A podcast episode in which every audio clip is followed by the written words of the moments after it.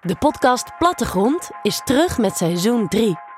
En ja, we maken nog steeds verhalen over pioniers, architecten en andere cowboys. Ik bouwde een windmolentje op basis van een boekje uit de Tweede Wereldoorlog. Je schaaft twee schuine kanten aan de plank. Je zet hem op een as van een dynamootje en dan gaat een lampje branden en je kan een accu mee opladen. Dus Ja, dat is toch fantastisch? Kan een windmolen van 50 jaar oud erfgoed worden? Of moeten we die gewoon vervangen? Tegelijkertijd weet je dat er zoveel weerstand is tegen die plaats van die molens. Hoe, hoe maak je zo'n afweging dan?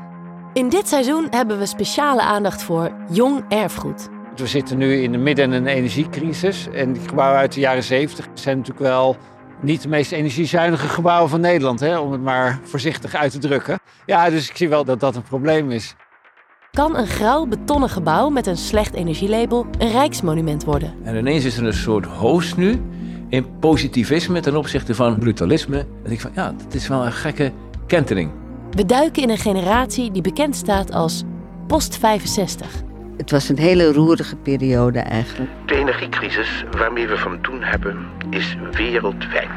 Mr. Gorbachev, tear down this wall. Hoe gaan we Nederland inrichten als we niet meer die eeuwige groeiende welvaart hebben? Een lichting die bedreigd wordt door sloop of verval en waarvan men steeds vaker zegt: bescherm het. Stel nou dat we het een rijksmonument maken. Klinkt dat raar? En toen zei ze, ja, nou ja, misschien niet. Maar je kunt niet alles bewaren.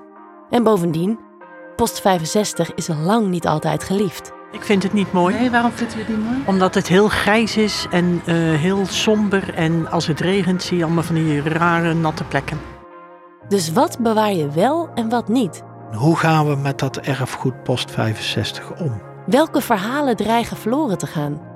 Dat hoor je dit seizoen. De vraag is eigenlijk, is het een, een kleine groep nu, die daar heel veel over gaat en de media weet, weet te bereiken.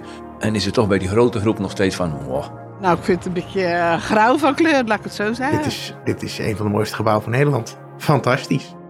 Het is toch een beetje iets waar we iets beter naar leren moeten kijken. Luister naar Plattegrond.